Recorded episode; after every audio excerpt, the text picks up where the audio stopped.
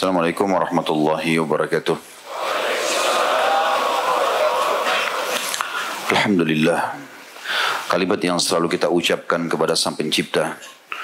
Karena benar-benar kita berharap hasil daripada kalimat ini sesuai dengan janjinya pasti dia akan memenuhi kebutuhan kita dengan kalimat ini dan kita sebagai orang yang beriman pasti yakin dengan janji Allah karena inna Allah la yukhliful mi'ad maka selalulah mengucapkan kalimat ini. Alhamdulillah. Selanjutnya kita panjatkan salawat dan taslim kepada Nabi besar Muhammad sallallahu alaihi wasallam sebagaimana Allah telah perintahkan kita untuk mengucapkannya dan juga tentu kita mengejar apa yang sudah Allah janjikan dengan mengucapkan satu kali salam hormat dibalas oleh Allah dengan sepuluh kali tambahan rahmat. Melanjutkan dosa besar atau bahasan dosa-dosa besar. Semoga Allah selamatkan kita dari seluruhnya dan Allah menyibukkan kita dengan amal saleh, berzikir, berdoa dan juga kalimat-kalimat yang baik. Pada malam ini dosa besar yang selanjutnya adalah bab manhabahun nasu khaufan min lisani. Yang pegang buku itu di halaman 51, 52, bahasanya sampai 53. Ini ada dua bab sebenarnya kita satukan, tapi saya melihat sama. Masih berhubungan dengan masalah lisan. Beranjak daripada dalil. Jadi ini bab orang yang disegani manusia atau ditakuti oleh manusia karena bahaya lisannya. Dalil pertama diangkat oleh Syekh Muhammad bin Abu Wahab rahimahullah adalah firman Allah Subhanahu wa taala yang masyhur surah Al-Humazah ayat 1. A'udzu billahi minasyaitonir rajim. Wailun likulli humazatin lumazah. Sudah sering kita sampaikan tafsirnya surah ini. Tapi kita ingatkan kembali wailun artinya kecelakaan, kehancuran, kebinasaan, penyiksaan, penghinaan, semua makna yang menuju kepada hal tersebut termasuk lembah di api neraka untuk setiap dan semua pengumpat dan juga pencelah. Tapi kalau kita lihat makna tafsir dari ulama tafsir, humaza alladhi ya'ibun nasu biqaulihi, orang yang sibuk mencontohkan, menceritakan, mencaci maki orang dengan lisannya, dan lumaza adalah orang yang mengolok-olok orang lain dengan sikap atau perilakunya. Juga diangkat dalil yang kedua dalam bab ini adalah hadis yang mulia, hadis riwayat Bukhari nomor 6054 dan Muslim nomor 2591 dari Aisyah radhiyallahu anha bahwasanya Rasulullah sallallahu alaihi wasallam bersabda, Inna syarran nasi manzilatan indallahi yawmal qiyamati man wada'ahu aw tarakuhun nas ittika'a fuhshi. Sesungguhnya manusia yang paling jelek kedudukannya di sisi Allah pada hari kiamat nanti adalah orang yang ditinggalkan manusia karena takut perkataannya yang keji. Kita akan sambung langsung dengan hal atau halaman setelahnya 52 dan 53. Setelah itu insya Allah baru kita coba jabarkan lebih jauh masalah ini. Ada dalil hadis di situ yang dihasankan oleh Tirmidzi setelah ayat Al-Quran. Putnot nomor 52, riwayat Tirmidzi nomor 1877 dan Syekh Albani menyebutkan dalam Sahihul Jami' nomor 5381 hadis dari Ibnu Mas'ud radhiyallahu anhu secara marfu laisal mu'minu bit-ta'ani walal la'ani walal fahishi walal fahishi walal badi. Tidaklah seorang mukmin itu tukang celah, tukang laknat, keji perbuatannya dan juga keji perkataannya. Jadi hadis ini tadi menguatkan apa yang disebutkan dari hadis sebelumnya. Jadi ternyata rincian daripada orang yang buruk di sisi Allah pada hari kiamat adalah orang yang dijauhi oleh orang lain karena bahaya lisannya. Penjelasan bahaya lisan disebutkan dalam empat hal di sini, dalam hadis ini. Tidaklah orang mukmin itu menjadi tukang celah. Selalu yang dicari matanya melihat ya, kekurangan orang. Kalau dia lihat orang pakai baju, matanya tertuju kepada kekurangan baju itu. Sepatu, orang jalan, ya, orang berkendaraan, rumah orang, apa saja. Ada orang menjadikan itu sifat dia. Selalu saja kalau dia lihat sesuatu, celah kekurangannya apa nih? Dia bukan melihat sisi positifnya. Beda kalau itu produk kita sendiri. Tapi kalau orang lain bukan tugas kita masalah itu. Selama bukan pelanggaran agama biarkan saja. Kenapa orang ini pakai baju abu-abu, kenapa ini pakai biru, kenapa pakai baju hijau, itu urusan dia. Selama bukan pelanggaran agama. Tapi ada orang sengaja mencari kira-kira apa nih. kekurangan orang lain. Terbukti setiap kali ketemu pasti sorotannya tajam. Lisannya sudah mulai tajam, gitu kan? mengucapkan kata-kata yang menjatuhkan. Itu makna tukang celah. Kemudian la'an orang yang suka mendoakan buruk ya atau berkata kata-kata yang buruk. Ya, nanti kita insya Allah berikan contoh-contohnya sebentar. Kemudian keji perbuatannya, fahish itu sikap dan buruk perbuatan keji itu seperti memukul, apalah ya sikap-sikap seperti ini dan berarti kasar tutur katanya. Jadi ini rincian daripada tadi apa yang disebutkan itu. Kemudian juga riwayat Tirmidzi setelahnya. Hadis ini riwayat Tirmidzi nomor 2002 dan juga disahihkan oleh Syekh Al-Albani dalam Sahihul Jami' nomor 5632 di mana Abu Darda radhiyallahu anhu meriwayatkan secara marfu ma min syai'in athqala fi mizanil mu'min yaumal qiyamah min husnil khuluq wa inna Allah yubghidul fahishal badhi'a alladhi yatakallamu bil fuhshi tidak ada sesuatu yang lebih berat ditimbangan seorang mukmin pada hari kiamat daripada akhlak yang baik. Termasuk akhlak yang baik adalah bertutur kata yang baik, santun, ramah dan seterusnya. Sebab lawan daripada akhlak yang baik disebutkan dalam hadis ini. Sesungguhnya Allah membenci orang-orang yang berkata dengan perkataan yang keji juga kotor. Bisa juga bermakna fuhush adalah kata-kata yang kasar, menjatuhkan, menghina. Ya, seperti itu maknanya. Lalu kemudian beliau di sini mengangkat juga hadis. Saya angkat dulu dalil-dalil yang sejalan dengan ancaman itu ya. Kalau yang pegang buku langsung ke halaman 53, ada juga di situ hadis riwayat Tirmidzi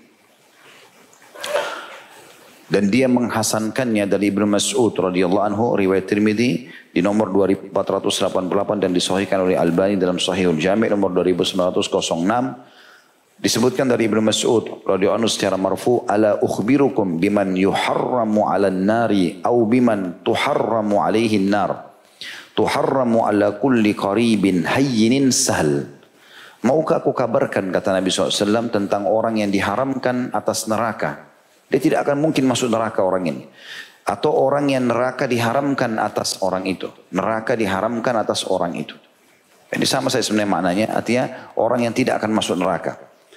Yaitu neraka diharamkan atas setiap orang yang dekat dengan manusia. Baik sama orang. Sehingga orang-orang juga merasa nyaman dengan dia. Tenang dalam mengambil keputusan. Lembut. Dan juga dia suka memudahkan urusan. Di sini terjemahan gampangan sebenarnya sih lebih baik diganti ya. Karena gampangan bisa ada bermakna negatif. Tapi kalau kita mengatakan dia memudahkan segala urusan itu lebih tepat terjemahannya. Karena kalimat sahal itu artinya memudahkan atau termudahkan. Ya. Di sini kita lihat hadis ini merincikan tentang lawan daripada apa yang tadi disebutkan. Lawan daripada berkata kotor, ya, lawan daripada mencelah, menjatuhkan orang dan segala macam.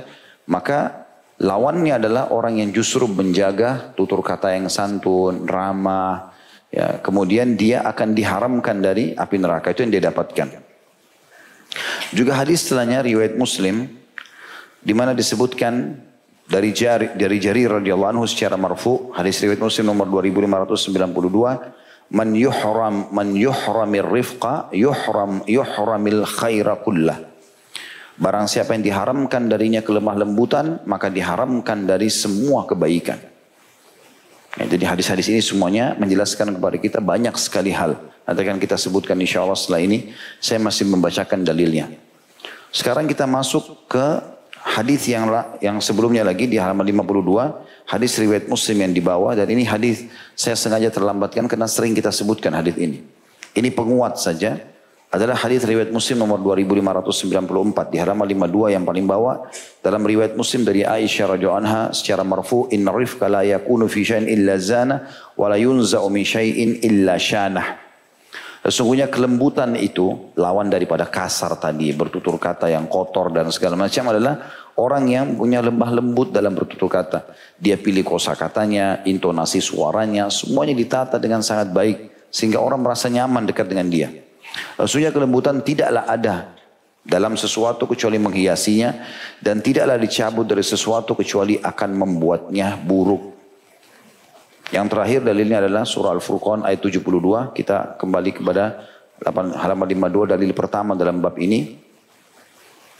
Yaitu surah Furqan ayat 72 Allah berfirman A'udzubillahi minasyaitonir salah satu ciri hamba Allah selain memang dia bertutur kata yang baik, santun, ramah, ya, memudahkan urusan semuanya bagi dia itu nggak ada masalah. Iya, baik, mudah. Dan tidak pernah berkata-kata kotor, kasar, nyalain orang, caci maki orang tidak ada itu. Dan kalaupun ada yang terjadi, orang lain berusaha bertutur kata yang buruk sama dia, dia tidak akan balas dengan keburukan. Nah itu yang disebutkan di dalam surah Al-Furqan ayat 72. A'udzu billahi minasyaitonir rajim walladzina la yashhaduna az-zura wa idza marru bil lagwi marru kirama. Salah satu ciri hamba Allah yang dijamin surga bagi mereka, hamba-hamba pilihan adalah orang-orang yang tidak memberikan persaksian palsu, tidak pernah berkata kepaksuan dan untuk mendukung kebatilan dan apabila mereka bertemu dengan orang-orang yang mengerjakan perbuatan-perbuatan yang tidak berfaedah, tutur kata yang kasar segala macam, dia tidak melayaninya. Mereka lalui saja dengan menjaga kehormatan dirinya. Dicaci maki, dikatain apa, digibah, difitnah, dibiarin aja sama dia. Udah ditinggalin aja. Dianggap itu orang bodoh yang tidak perlu dilayani. Tapi kan Ustaz nanti nama saya rusak. Allah ada. Tidak usah antum khawatir. Selama kita benar, Allah punya cara. Tidak usah kita sibukkan diri dalam memperbaiki nama kita sementara kita tidak salah. Kecuali antum salah. Baru mungkin kita jadikan sebagai bahan introspeksi diri supaya kita, oh ini salah. Kita istighfar, kita coba perbaiki. Dan tidak usah kita membela diri, udah selesai, udah salah. Atau memang kita benar, tidak usah. Tinggalkan sama sekali. Ini firman Allah subhanahu wa ta'ala memuji hamba-hamba Allah seperti itu. Baik teman-teman sekalian. Kita coba lebih dalam membahas beberapa hal yang berhubungan dengan materi kita pada malam ini. Yang pertama kita coba lebih dalam membahas hadis tadi. Laisal mu'minu bit-ta'ani walal la'ani walal fahish walal badhi. Bukanlah seorang mukmin itu yang suka mencaci, orang yang gemar melaknat, orang yang suka berbuat atau berkata-kata keji dan orang yang suka berkata kotor atau jorok. Hadis ini mengandung banyak sekali pelajaran-pelajaran yang harus diambil. Yang pertama teman-teman sekalian, ada sebuah riwayat yang sangat menarik. Disebutkan dari syarik. Dan ini mungkin kita bisa bilang manfaat pertama dari hadis yang kita bisa ambil ya. Dari Syakik, dia berkata, pernah Abdullah bin Mas'ud radhiyallahu anhu di musim haji bertalbiyah di atas bukit Safa. Setelah dia mengatakan labbaik Allahumma labbaik, labbaik la syarika lak labbaik, innal hamdalillah min ni'matika la syarika lak. Kemudian dia juga baca uh, Inna safa wal marata min syairillah sampai selesai akhir ayat intinya di Bukit Safa. Lalu dia tiba-tiba berkata, Ibnu Mas'ud berkata, Syakik ini seorang tabi'in yang merupakan murid Abdullah bin Mas'ud dan sering ikut sama beliau. Dengar, Abdullah bin Mas'ud mengucapkan begini, Wahai lisan, Berkatalah yang baik, niscaya engkau akan memperoleh kebaikan. Atau diamlah, niscaya engkau akan selamat sebelum engkau menyesal. Jadi bagaimana dia radhiyallahu anhu menasihati dirinya sendiri. Mulai sekarang lisanmu hanya mengucapkan kebaikan saja. Atau diam supaya kau tidak akan menyesal. Setiap perkataan, makna kalimat ini, setiap perkataan kalau kita belum keluarkan dari mulut kita, berarti masih milik kita. Kita masih bisa mengontrolnya pegal segala macam itu nggak ada masalah, itu bisa. Jangan dibalas. Nanti kita akan sebutkan ada riwayat di mana Nabi SAW ingatkan, jangan balas keburukan dengan keburukan diingatkan. Karena ada manfaat yang kita dapatkan nanti. Ada hadis yang akan saya sebutkan insya Allah. Kemudian kalau kita sudah ucapkan, maka ini malah masalah. Karena sulit untuk menariknya kembali. Kata sebagian ulama yang paling sulit untuk ditarik kembali adalah perkataan yang sudah diucapkan. Biar kita menyampaikan maaf, sudah berbekas sama orang. Biar juga kita sudah beristighfar, tetap tercatat di buku amal kita yang akan tetap nanti diperlihatkan pada hari kiamat. Dan pepatah bahasa Arab mengatakan, kalau kau titip emas pada orang pastikan tidak akan bertambah, tapi kalau kau titip kata-kata pastikan dia akan bertambah. Gitu. Maka dia mengatakan wahai lisan, berkatalah yang baik, niscaya engkau akan memperoleh kebaikan dan atau diamlah, niscaya engkau akan selamat sebelum engkau menyesal. Maka bertanya Syakik ini, wahai Abu Abdurrahman, ini julukannya Abdullah bin Mas'ud radhiyallahu Apakah ini suatu ucapan yang anda ucapkan sendiri atau anda pernah dengar dari Nabi Shallallahu Alaihi Wasallam? Kata beliau, tidak. Bahkan aku telah mendengar dari Rasulullah SAW. Maksudnya bukan seperti itu letterlet dari Nabi. Tapi aku pernah dengar Nabi SAW bersabda. Aktharu khataya ibn Adam fi lisanihi. Ketahuilah bahwasanya kebanyakan dosa-dosa anak Adam justru ada pada lisannya. Diriwayatkan oleh Tabarani dan dihasankan oleh Syekh Albani. Teman-teman sekalian, hadis-hadis yang sudah masyhur tentang masalah larangan untuk mengucapkan kata-kata yang buruk ini banyak sekali. Tapi akan saya sebutkan nanti insya Allah. Di antara yang harus kita sangat hati-hati sekali, terutama di zaman kita sekarang adalah perkataan-perkataan atau komen-komen. Kita mulai dari situ misalnya, di medsos ini. Saya sering melihat ada cuplikan tertentu misalnya. Cuplikan ini ada orang yang mengangkatnya dengan tujuan mungkin memberikan informasi ke masyarakat. Dia mungkin apakah memang dia sengaja membuat informasi buruk atau judul yang meng, uh, mengkritik sehingga akhirnya mengganggu publik ya. Atau orang yang akan menanggapi tapi yang unik ini di bawah. Orang ribut semuanya. Pro kontra, berantem di situ. Saling caci maki hanya karena cuplikan satu. Ini manfaatnya buat kita apa? Kira-kira tanggapan itu akan didengar oleh mereka? Kalaupun iya, sesuatu yang sudah kita ucapkan bernilai dosa. Tidak boleh sembarangan. Maka ini yang perlu digarisbawahi. Banyak sekali orang seperti itu. Mereka yang pertama contohnya merusak ya, citra dia, nama baik dia dan terjerumus dalam dosa tanpa dia sadari di medsos dengan tanggapan-tanggapannya. Misal contoh. Kemudian juga banyak orang karena dia menjadikan ini contoh yang kedua, kebiasaan. Mungkin niatnya awal bercanda. Misal dia lagi bercanda sama temannya, terus dia mengucapkan kata-kata buruk. Ya. Apalah kata-kata buruk itu? Mungkin karena materi kita justru berhubungan dengan masalah ini tidak mungkin kita berikan contoh. Tapi banyak orang mengucapkan kalimat itu. Bahkan kadang-kadang mendoakan dirinya sendiri. Ya. Matilah saya, celakahlah saya, gitu kan. Kalau begini, saya akan ya uh, dikalahkan, saya tidak akan sembuh. Ya. Atau misalnya keluar makanan, dihidangkan makanan, dia lihat buruk penampilannya, buruk sekali makanan ini, jorok yang seterusnya, dan segala macam kalimat-kalimat seperti ini. Nah semua ini atau dia bilang sama temannya, celaka kamu, matilah kamu, bodoh kamu ini. Walaupun bercanda, ini semua masuk dalam kalimat badhi. Masuk dalam larangan, tidak boleh sama sekali. Ya. Saya uh, menyebutkan ini Bukan untuk menjatuhkan. Karena kebetulan juga saya dari Makassar gitu kan. Tapi ada tradisi kami di Makassar. Biasanya kalau misalnya dia apalah kaget dengan sesuatu atau apa. Dia sering menggunakan mati mak. Mati mak ini semoga saya mati gitu. Mungkin dia niatnya, niatnya dia apa sih kayak semacam menyesal atau hati-hati. Tapi kalimat ini bahaya ini. Saya kalau jalan sama ikhwan kadang-kadang masih ada mengucap, saya ingatkan. Akhi jangan. Karena memang ada larangan Nabi SAW itu. Kata Nabi SAW, jangan kalian berharap kematian. Kalau pun sudah tidak bisa tahan, makanya ucapkanlah ya Allah, hidupkan aku kalau hidup lebih baik bagi aku. Matikan aku kalau mati lebih baik bagi aku. Ini contoh saja. Kami juga punya tradisi, saya tidak tahu di kota lain. Saya bicara ini untuk untuk memperbaiki keadaannya. Kadang-kadang bercanda antara teman sama teman. Misal temannya lagi dihidangkan makan. Gitu kan. Ini makan. Terus dia karena akrabnya sama temannya dia suka mengatakan. Makan mie bodoh. Ada kalimat bodoh ini. Hah? Padahal dia suruh temannya makan. Kenapa harus ada bodoh ini? Contoh saja. Ini sebenarnya kita perbaiki. Tujuannya perbaiki. Bukan masalah menghina atau menyalahkan gitu kan. Tapi saya menemukan hal-hal ini harus diperbaiki, nggak bisa dibiarkan.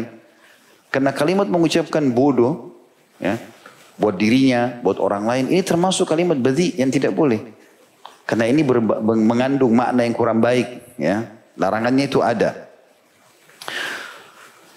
Syekh Salim Al-Hilali menyebutkan dalam salah satu buku beliau, ya, beliau mengatakan bahwasanya Larangan menurut Al-Quran dan Sunnah mengungkapkan kenistaan, per, per, perbuatan dan perkataan kotor. Dan itu hukumnya adalah haram. Dan itu bukan sifat seorang mukmin.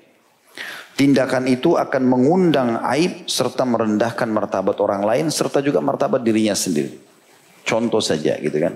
Jadi contoh itu betul-betul sangat real di lapangan yang harusnya kita perbaiki. Mungkin teman-teman lebih paham masalah itu pada saat bercanda sama teman-temannya gitu kan. Akan apa sih digunakan bahasa itu tadi contoh yang saya lihat sendiri, yang saya coba menyampaikan bukan sekali lagi untuk menjatuhkan tapi tujuannya untuk memperbaiki gitu kan. Supaya jangan menggunakan kata ini. Kenapa kita tidak ganti misalnya bodoh dengan pintar? Ya. Kenapa kita tidak mengucapkan kata-kata buruk, kita ganti dengan kata-kata baik misalnya. Ya. Contoh saja. Bahkan saya temukan ini tidak sering suami istri. Ya. Tidak salah, itu sering terjadi. Saya pernah berjalan dengan panitia pengajian, saya pulang dari pengajian diantar suami istri. Itu ternyata di, di mobil itu sambil ngobrol, si istri manggil dengan julukan tertentu, suaminya, suami juga panggil julukan tertentu. Karena sering diucapin saya tanya, apa itu akhir?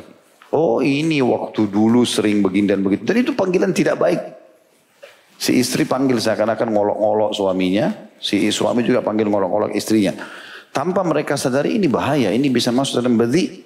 Untuk apa kita ucapin kalimat itu? Walaupun kita niatnya bercanda. Gitu kan?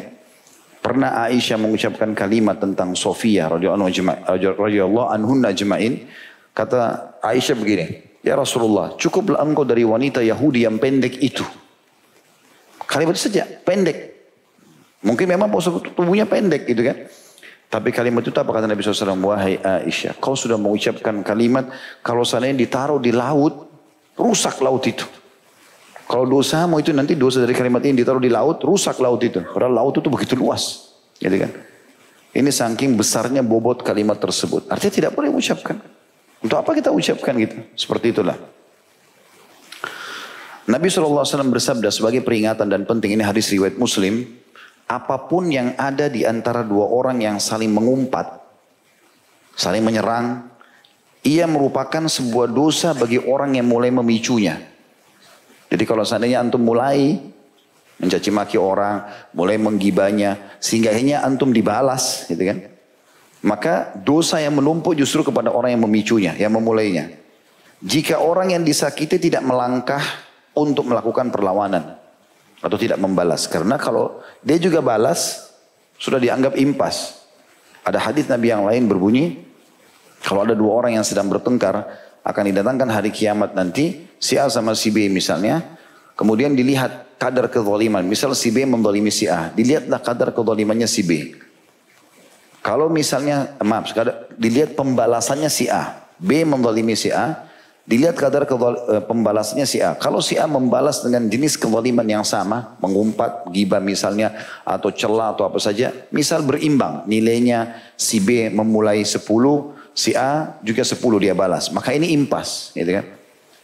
Kalau seandainya si A tidak membalasnya, maka nanti dia akan diberikan pahala sesuai dengan kadar dosa itu kalau dinilai dari sisi pahala. Itu Allah SWT punya urusan yang akan menilai pada hari kiamat nanti. Kalau seandainya balasannya si A melampaui daripada kezaliman si B, misal ini mengumpat, ini balas membunuh. Bunuh lebih besar daripada mengumpat. Maka nanti akan diambil pahala si A dikasih kepada si B. Padahal si B tadinya ini jadi masalah. Tetapi yang kita ingin garis bawahi kalau seandainya si A tadi tidak ikut-ikut balas. Maka dia akan lebih aman di sini. Ya. Seperti itu penyampaian Nabi alaihi salatu wassalam. Banyak hadis mengingatkan masalah ini di antaranya hadis Nabi SAW sungguhnya Allah sangat marah dengan hal yang memuakkan membuat orang semua tidak suka. Seseorang yang bermulut kotor. Juga Nabi SAW dalam hadis yang masyur tentang masalah bangkrut kita sudah tahu hadis itu tentunya yang datang hari kiamat benar mencaci maki orang yang memukul orang itu mengambil hak orang akhirnya diambil pahala-pahala dia dibagikan ke orang-orang tersebut kalau habis dosa-dosa mereka ditimpahkan.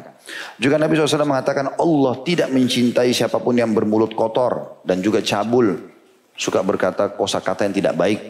Baik itu buat dirinya sendiri, buat orang lain gitu kan. Walau bercanda ataupun serius. Begitu juga disebutkan Nabi SAW mengatakan contoh-contoh yang banyak pencacian seorang mukmin kalau sampai orang sampai mencaci adalah fasik perbuatan jahat. Dan pembunuhannya adalah kekufuran. Juga Nabi SAW mengatakan, orang yang memaki kedua orang tuanya terlaknat. Ya mungkin misal ada orang mengatakan ibu saya itu begitu dan begitu, ayah saya itu begini dan begitu. Misal ada anak-anak begini kadang-kadang curhat sama temannya, ibuku itu begini, ayahku itu begini, semuanya keburukan diceritakan. Ini sama dengan kata-kata badi, tidak boleh. Tidak boleh kita menyebutkan keburukan orang tua walaupun dasarnya ada keburukannya. Begitu juga Nabi SAW mengatakan seberat-berat dosa ialah seseorang memaki ibu bapaknya. Para sahabat mengatakan ya Rasulullah, apakah ada orang mencaci maki ibu bapaknya? Kata Nabi SAW, ada. Dia mencaci maki ibu bapak orang lain, maka orang lain itu membalas mencaci maki ibu bapaknya. Jadi sama saja dia yang memulainya, dia menjadi penyebab masalah itu. Juga Nabi SAW menasihati seorang sahabat yang mulia ini nasihat yang sangat baik. Ada seorang Arab Badui datang kepada Nabi SAW. Lalu kemudian dia bilang, ya Rasulullah berikan saya wasiat. Kata Nabi SAW, hendaklah engkau bertakwa kepada Allah.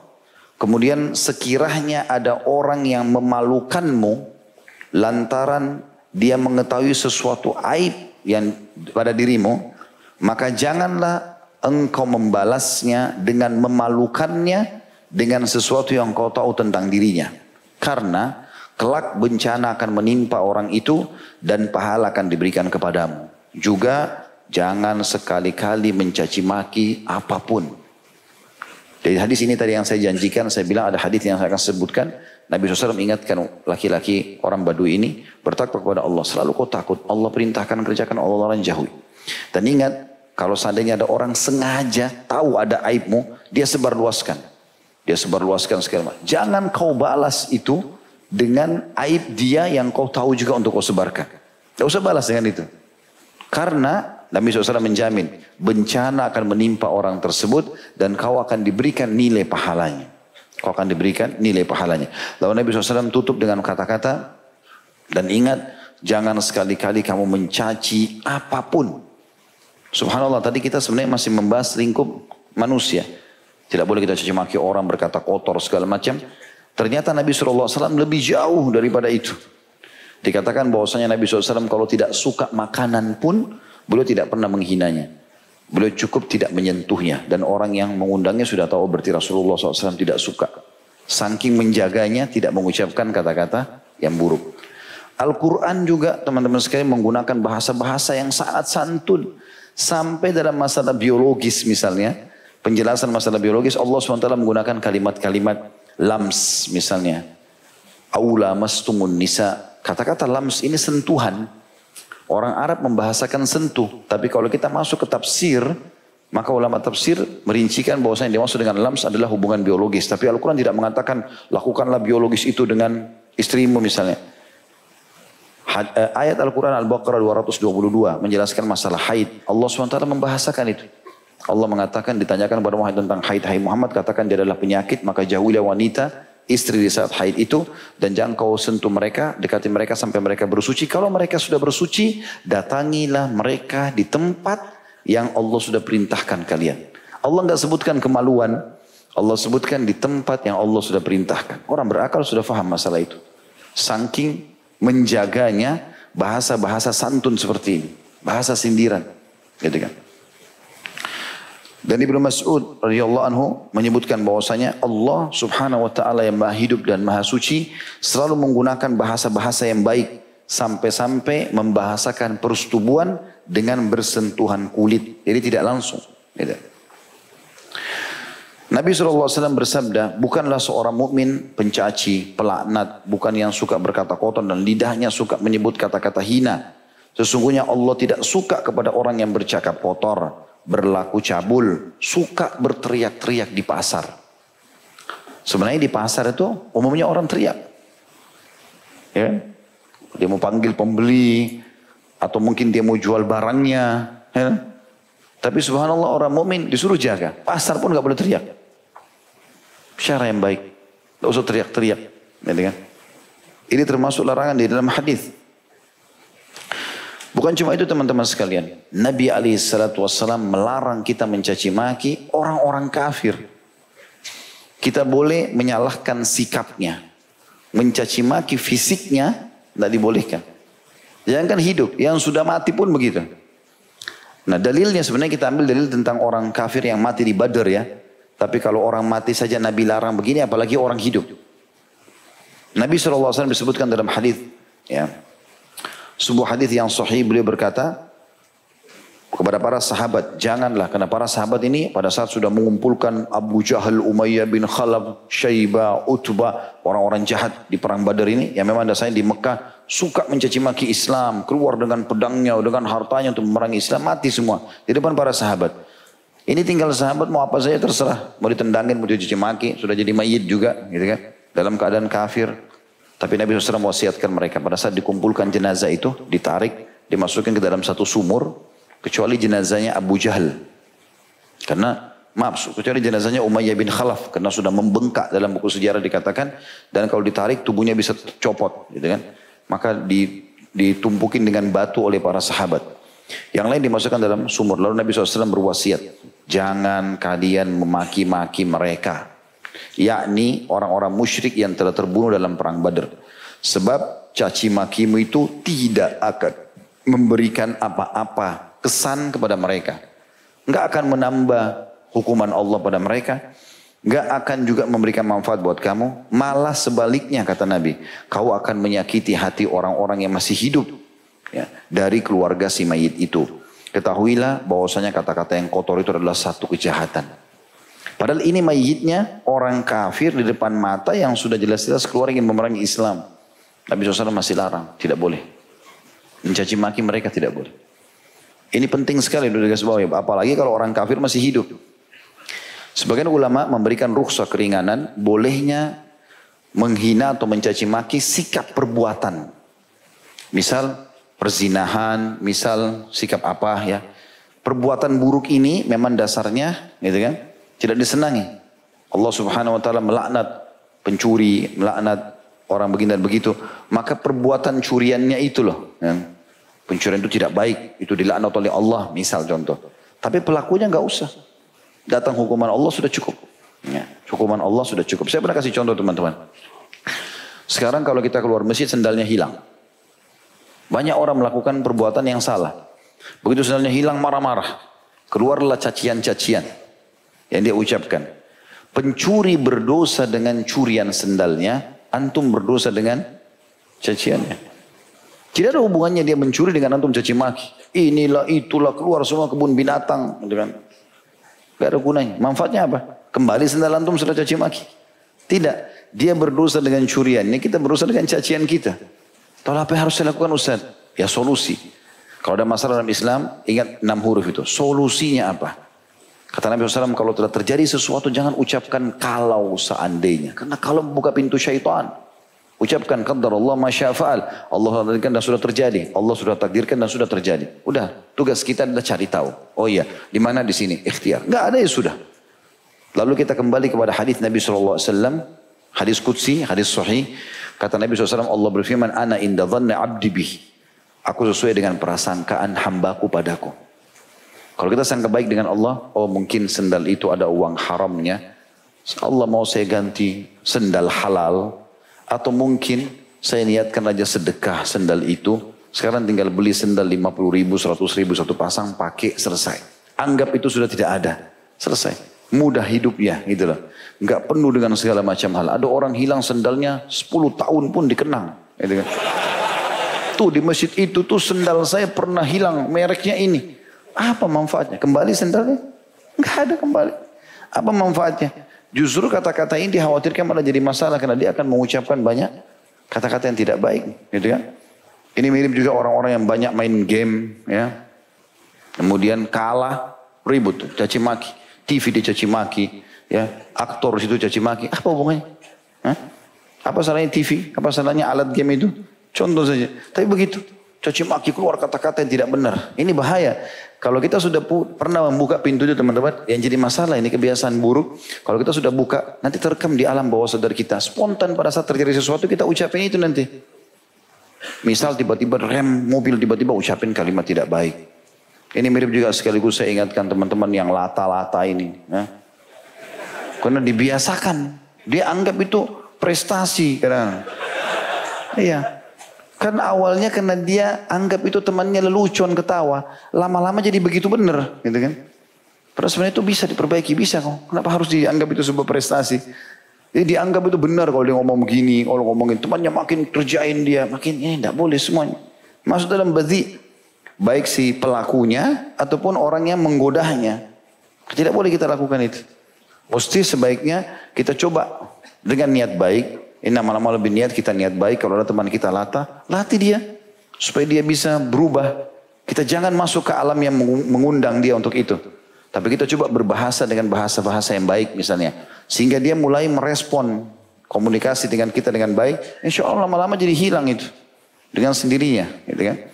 Jadi kebiasaan itu kalau sudah dilakukan teman-teman sekalian nanti akan sulit untuk ditinggalkan.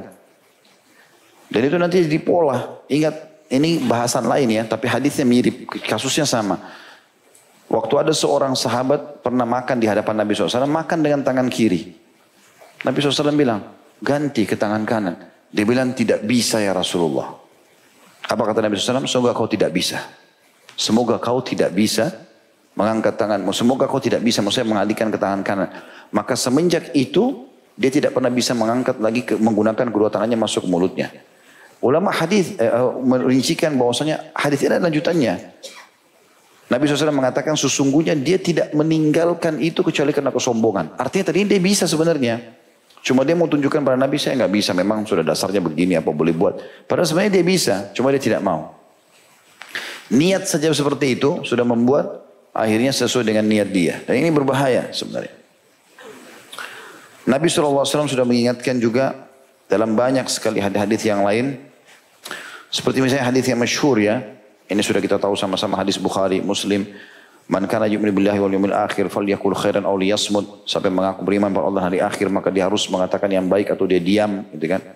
Maka orang mukmin harus jauh dari sifat suka mencaci maki orang, mencaci maki dirinya, gemar melaknat atau mendoakan yang buruk-buruk gitu kan. Suka berbuat dan berbicara keji, mengumbar kata-kata jorok, ya apa pun sifatnya, semua harus dijauhi. Karena itu akan mencoreng keimanannya dan kapan memang dia niatkan keburukan secara otomatis masuk dalam istilah bahasan kita pada malam ini atau diistilahkan dengan badi. Kita tutup teman-teman sekalian dengan hadis-hadis yang mulia atau hadis Anas radhiyallahu anhu yang mengatakan bahwasanya Nabi SAW tidak pernah sekalipun mengucapkan kata-kata yang tidak baik. Ya. Tidak pernah mengucapkan kata kasar. Kalau Nabi SAW pun ingin menegur orang, Nabi mengatakan apa? Kenapa ya ada kaum yang begini? Contoh, riwayat Bukhari. Pernah ada orang-orang meninggalkan sholat Jumat. Setiap Jumat tidak hadir di masjid. Nabi SAW tahu mereka nggak Jumat. Lalu Nabi SAW ada semimbar. Lalu beliau berkata, kenapa ada kaum yang selalu meninggalkan Jumat? Mereka harus berhenti dari perbuatan itu atau Allah akan menutup hati-hati mereka dari hidayah atau petunjuk. Menutup hati mereka dari petunjuk gitu kan. Nabi tahu siapa mereka. Meninggalkan Jumat. Nabi bisa menghardik. Tapi Nabi cuma mengatakan kenapa ada kaum yang begini dan begitu. Yang kedua ada riwayat tentang masalah pengumpul zakatnya Nabi SAW yang masyhur. Nabi suruh kumpulin zakat. Setelah dia kumpulin rupanya kena orang tahu dia adalah pegawainya Nabi lah istilahnya gitu kan. Bawa namanya Nabi saya disuruh Rasulullah SAW kumpulin zakat. Maka orang-orang kasih dia uang. Sampai di masjid dia jujur. Dia bagi dua. Nah, ini zakat kalian ini adalah uang yang saya dikasih, ini punya saya. Nabi SAW langsung menutup celah itu. Naik di atas mimbar, kemudian beliau berkata, setelah memuji Allah dan juga membaca salat dari beliau SAW, beliau mengatakan, kenapa ya? Padahal orang itu ada duduk di depan. Kenapa ya? Ada orang yang saya tugaskan mengumpulkan zakat. Padahal orang itu ada, dia tidak sebutin namanya. Kenapa ada orang saya tugaskan zakat? Kemudian dia mengatakan ini zakat kalian ini adalah hak saya. Kalau betul itu haknya dia, coba dia duduk di rumahnya tanpa bertugas. Datang nggak? Kalau orang-orang kasih dia tanpa dia tugas, ya sudah berarti memang haknya dia. Tapi kan orang kasih karena dia bertugas. Maka tidak boleh sama sekali. Contoh, Nabi SAW tidak menyebutkan namanya, padahal jelas orang itu. Sering kali Nabi SAW menyinggung Abdullah bin atau Ubaidillah bin Abi Salul, munafik. Pada saat dia sebarkan isu Aisyah berzina, A, B, C, panjang lebar dia sebarkan isu macam-macam. Rupanya Nabi SAW melihat isu ini sudah mulai memanas di tengah-tengah pasukan muslimin. Pada saat itu pulang dari Bani Mustalik. Maka Nabi SAW suruh pasukan bergerak. Dan ini bergeraknya malam. Malam-malam bergerak, jalan. Sahabat bingung, Nabi SAW tidak pernah begini. Biasanya Nabi itu istirahat di waktu istirahat. Di siang hari istirahat, habis sholat jamaah duhur asar, habis istirahat sebentar baru beliau jalan lagi. Tiba maghrib istirahat, jamaah lagi maghrib isya, istirahat malam. Nanti sudah habis sholat subuh baru jalan. Begitu Nabi SAW santai kalau jalan walaupun peperangan gitu. Tapi kali itu enggak. Nabi suruh jalan terus, jalan. Mau malam jalan, tidur-tidur di atas unta atau di atas kuda. Jalan. Maka Usaid bin Khudair radhiyallahu anhu, sahabat Nabi yang mulia dari suku Khazraj, mendekat dengan Nabi SAW. Ya Rasulullah, anda jalan bukan seperti biasanya. Apa kata Nabi SAW? Nabi nggak bilang, tuh tuh temanmu tuh Ubaidillah, cara begini. Nabi SAW mengatakan, apa kau tidak dengar apa yang temanmu ucapkan? Lalu kemudian Usaid ini eh, Usaid bin Khudair ini sudah faham. Kalau dia Nabi SAW menggunakan bahasa ini bertemu menyinggung dan dari suku Khazraj cuma satu yang terkenal kepala munafik ini. Kata dia memang ya Rasulullah dia ucapin apa? Kata Nabi SAW dia mengucapkan nanti kalau tiba di Madinah orang-orang mulia penduduk Madinah maksudnya seluruh orang-orang penduduk asli Madinah akan mengusir orang-orang yang hina maksudnya para muhajirin dari Mekah dan itu puncaknya Nabi SAW karena beliau juga muhajir dari Mekah gitu kan maka kata Usaid ya Rasulullah sesungguhnya anda yang mulia dan dia yang terhina perintahkan saya Rasulullah perintahkan apa saja saya akan lakukan pada dia. Termasuk kalau anda suruh saya memenggal kepalanya. Nabi SAW masih bisa mengatakan, jangan hai Usaid. Nanti orang akan mengatakan, Muhammad membunuh teman-temannya. Padahal ini munafik. Tapi karena hidup bersama-sama masih dianggap teman oleh Nabi SAW. Yang penting kita sudah tahu orang ini munafik, sudah nggak dikasih kedudukan, segala macam. Tapi interaksi ya, siapa tahu satu waktu dapat hidayah. Begitu mulianya akhlak baginda Nabi alaihissalatu wassalam. Dan ini harus jadi pelajaran teman-teman sekalian. Kesimpulannya apa yang kita bahas pada malam ini adalah Bagaimana seseorang muslim menjaga lisannya dan jangan sampai dia mengeluarkan kata-kata kotor, jorok, menyinggung orang lain. Baik buat dirinya atau orang lain ya. Bercanda ataupun serius. Karena itu nanti akan bisa masuk dalam bab dosa besar ini. Allahu a'lam. Begitu saja. Subhanakallah wa bihamdika. Asyhadu an la ilaha illa anta astaghfiruka wa atubu ilaik. Wassalamualaikum warahmatullahi wabarakatuh.